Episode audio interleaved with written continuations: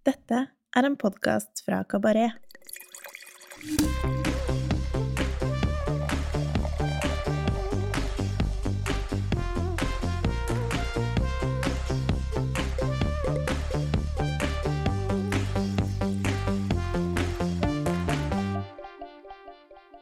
Hei, jeg heter Jørgen, og jeg er redaktør for kabaret.no. I denne episoden av Ukas vin så har vi med oss gjesten Jefferson Goldring, som er vinsjef på Barn Imperial og restauranten Tea Room i Oslo. Like etter at vi hadde spilt inn de fire episodene der han er gjest, så fikk vi en trist nyhet. Luke Henderson, kjøkkensjef og Jeffersons partner ved disse utestedene, er død. Etter å ha snakka med Jefferson kom vi fram til at vi likevel ønsker å publisere episodene. Hallo, hallo. Velkommen til uh, Ukas vin, en uh, podkast fra Kabaret der vi hver uke tester én vin som vi enten digger eller har trua på. Jeg heter Tommy Andresen, og i denne episoden har jeg med meg Jefferson Goldring, vinansvarlig på The Tea Room og Imperial i Oslo. Jeff han er av britisk opprinnelse, så vi kommer til å hoppe litt mellom norsk og engelsk i løpet av episoden. Hello, Jeff. Welcome back. Thank you once again. In this week's episode, we'll be talking about natural winemaking in Burgundy. En region som de fleste forbinder med verdens beste viner og tilsvarende priser. Det er ingen tvil om at eh, vinene herfra er i en egen klasse, og jeg skulle gjerne ha drukket de oftere, men med den økende etterspørselen og prisøkningen, så blir det heller sjeldnere mellom hver gang. Eh, regionen er også kjent for å være relativt klassisk i stilen. Ikke rart, siden vinmarksprisene er eh, skyhøye. Det gir ikke akkurat så mye rom for små, eksperimentelle og innovative vinbønder som vil prøve ut nye ting. Men det finnes allikevel uh, uh, spennende folk som går litt under radaren til mange Bønder som jobber naturlig og med fokus på frukt og, og stedegenhet. Natural winemaking in Burgundy. Uh, not, the uh, not the easiest climate to work, completely free of uh, chemicals or with uh, experimental cellar work due to the expensive prices for, for land. Hmm. What is your thoughts on the region when it comes to classic versus uh, natural uh, winemakers? I think it's actually uh, one that shows um, quite a high degree of sort of hybrid approach. So there are quite a, a lot of the famous names that work in a biodynamic, organic at least uh, way, but still maybe treat it in a different way in the cellar than the more classic uh, sort of naturally minded people would approach but I think it's really interesting to see, and you have to applaud the the bravery of some people who are trying to do things differently. Uh, of course, you have had people like uh, Prieuré Roch and uh, and so on really lead the way. Uh, I think some really exciting things as well in Chablis coming through, and sort of Chalonnais and also Mâconnais are maybe the more affordable places for some people to work in. I even tried some natural from uh, Dijon yesterday as well, from Domaine de la Croix. Ah, right, right, right. Yeah, that's that's uh, that's an interesting thing. Both like the regions are, uh, of course, uh, a place uh, to to dig a bit deeper when it comes to finding great buys. Mm. But also, you can find, as you say, in the more classical regions like Chablis, there's uh, some more and more interesting producers popping up. Two personal favorites would be Pattes Loup, Thomas Pico. Yep. And also uh, mm. the, the couple from uh, Chablis. The wines are like quite accessible and not with like the scariest of prices. No. That's of course uh, a stylistic uh, choice of favorite producers also yeah. from my part. but like yeah other regions also uh, like the producer that's named um, Maso uh, Belli.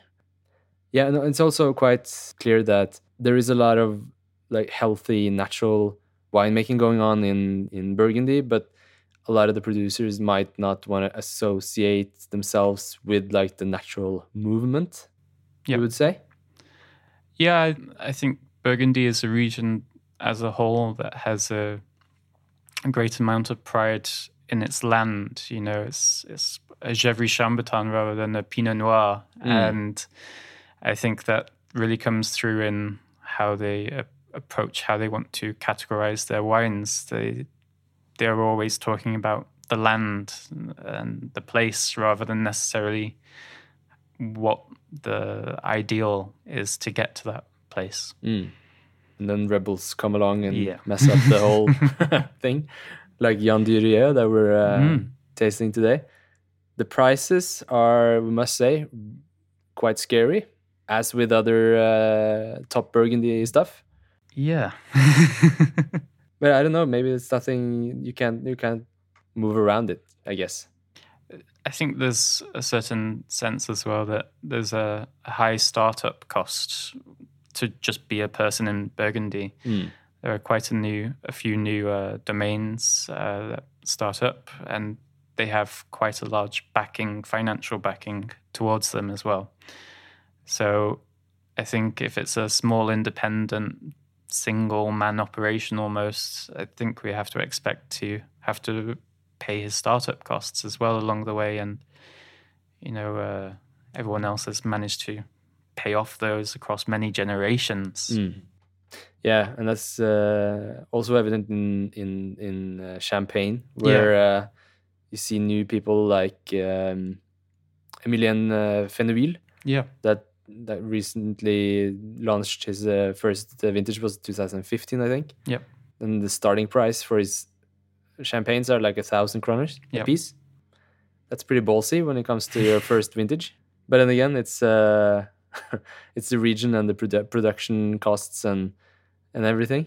Um, luckily, we can start a bit lower when it comes to the grape Aligoté from uh, Burgundy that we're uh, going to drink today. Hmm. What's your relationship with that grape? I think it's uh, something that's heavily respected as well. All the top producers actually seem to work with Aligoté, so Mm. I don't think it should ever be considered the the lesser of the white grapes of of Burgundy. Uh, Leroy, uh, DRC, and like Villaine does his Bouzeron project, of course Mm. And uh, Pierre-Yves Colin-Morey, and so many producers, Coche-Dury even, uh, do some fantastic aligote.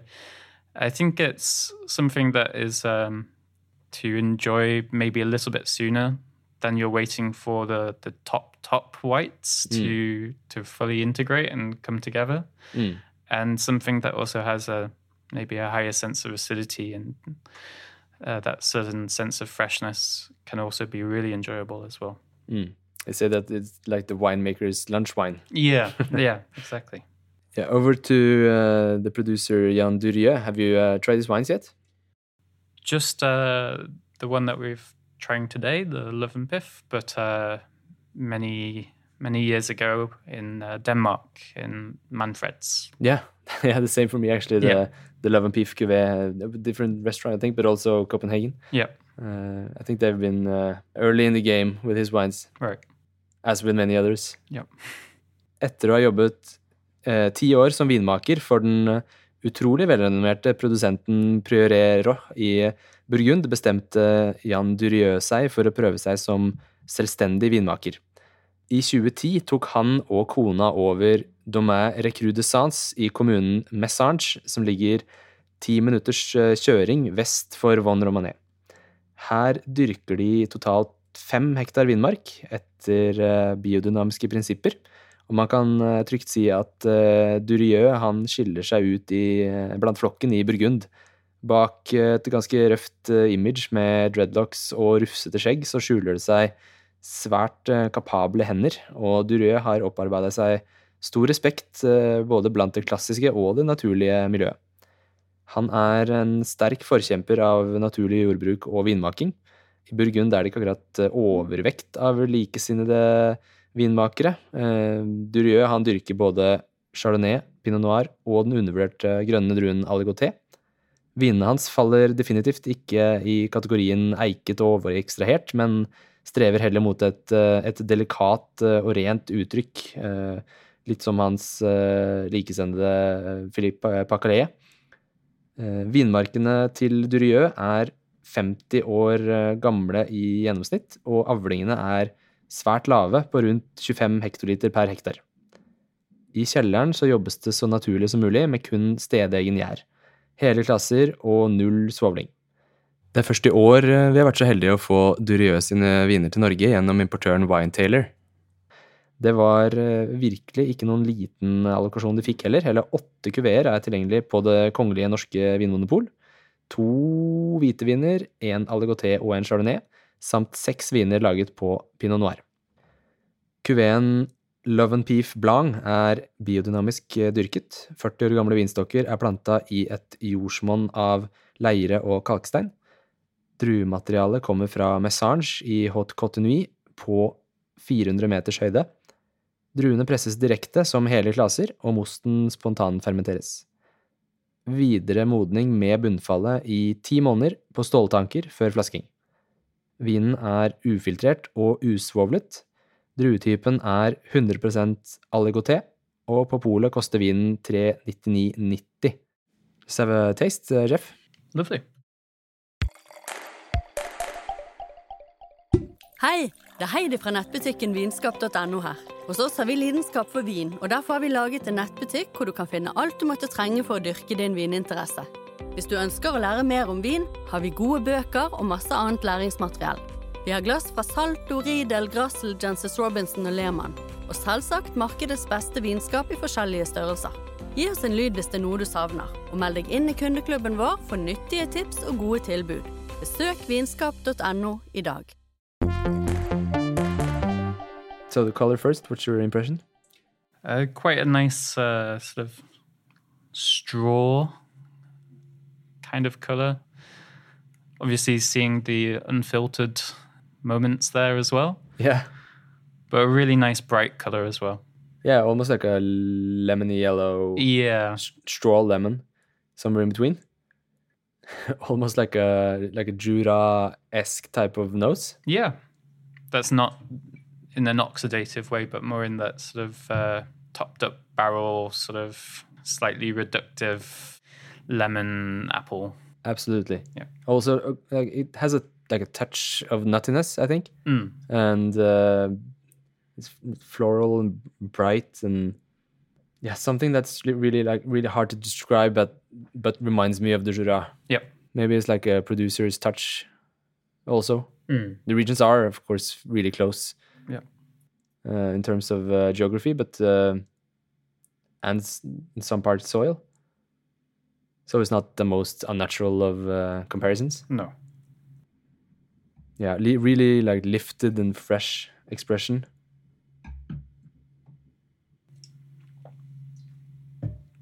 I feel the fruit is kind of like on the like the yellow apple Mm. Line, almost like some some yellow stone fruits. Yep. A quince, perhaps, as well. Yeah. Yep. Underrated fruit, by the way. Very energetic wine on the palate. Yeah, absolutely. Quite nice tension. Quite sort of linear. Yeah, li- linear, but also like kind of rich and Yeah. lush. Mm. Nice, got a really nice concentration, but also, well, retains its freshness. Yeah, really uh, uh, like a f- fleshy fruit, Mm. uh, like ripe, uh, juicy. Yeah, again, like the Yellowstone fruits, but not not in like an overripe way, but No. yeah, like a fresh, perfectly ripe Yellowstone fruit. Yep. Uh, you can see the resemblance to Chardonnay, but still not. Yeah, and definitely with the the higher sense of the acidity as well. Mm.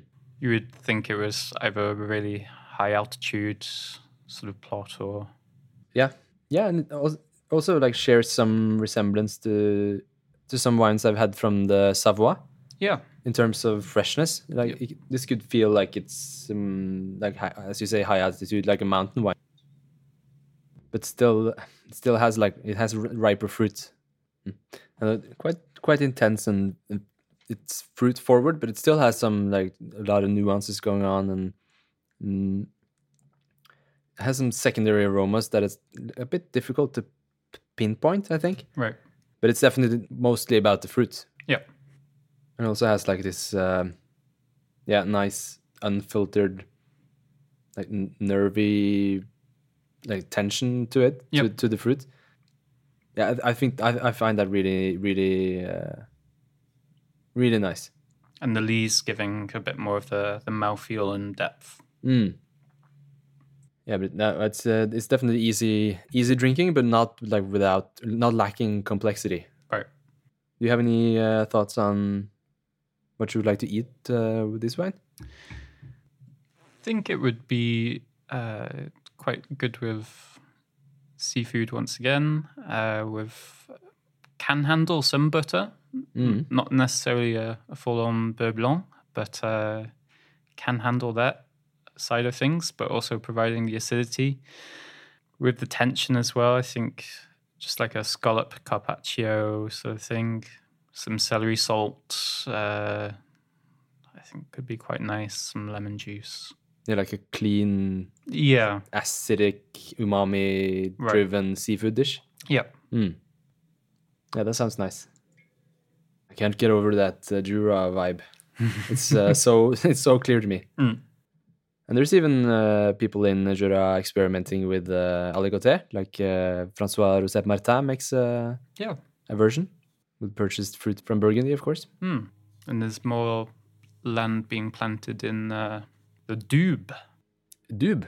Never heard of that. What is that? That's the region slightly north of Jura.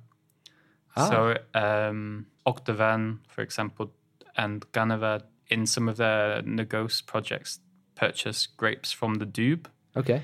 Uh, it's D O U B, and uh, there's one sort of pioneer out there called uh, Georges Muteau, but he does uh, Chardonnay in the Doub, and I believe there's some Aligoté as well, but not from him. That's uh, more of that in the future, probably.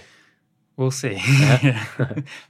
Yeah, personally, I, I find like the, the whole uh, mountain area with uh, with Savoie and Jura that Mm. that's probably my personal favorite regions. I have to say, Mm. but it's also on my uh, New Year's resolution list to drink more uh, Burgundy this year, not to buy too much uh, crazy stuff uh, coming from all over. hmm This is within that resolution, I would say, Already succeeding. but still clinging on to a bit of the rebellious winemakers approach, of course. Yeah, and there's um, think some of the the cuvées of Maison Valette or Domaine Valette as well sort of do this style in a very good way as well, with quite a nice uh, natural style of wine winemaking. Mm. Uh, maybe as you go up the ladder, it gets a little bit more oxidative in style, but I, I think the sort of lower cuvées have this same nerve to them as well as this one does. Yeah, yeah, Valette uh, is def- definitely one of my favorites from the region. I've only had it a couple of times uh, Mm. abroad, but uh, it has come to Norway. Yes. So uh, I think Mousy Wine is the Yeah. importers now, and uh, let's hope that we see more from it uh, in the Monopoly in the future. I think it's like special, probably only Hureka and uh, first. I have some bottles. Yes, not surprising. How about Prieuré Roch? Have you tried them? A little, but again, I, I feel like sometimes the prices are a, a little unapproachable. Yeah, I see that. Oh, nice. I really like this wine. It's it's uh, super appro- approachable and clean, but still still has that uh, that natural um like vibe and energy to it. So like a, a good place in between crazy natural and very classic. Yeah, Like it lands somewhere elegantly in in between. I think. Mm. Well made. Fint. Følg med oss i neste episode. Da tester vi en eh, saftig, funky og energisk pinot donis fra Loire. Jeff han blir med oss videre. Ha det! Ha det. Husk at du finner info om vinen vi smaker på i episodeinfoen. Der finner du også en liste med produsentene vi nevner i episodene. Har du ris eller ros, må du gjerne sende en mail til vin at kabaret.no. Husk å abonnere på podkasten, og gi oss gjerne noen stjerner.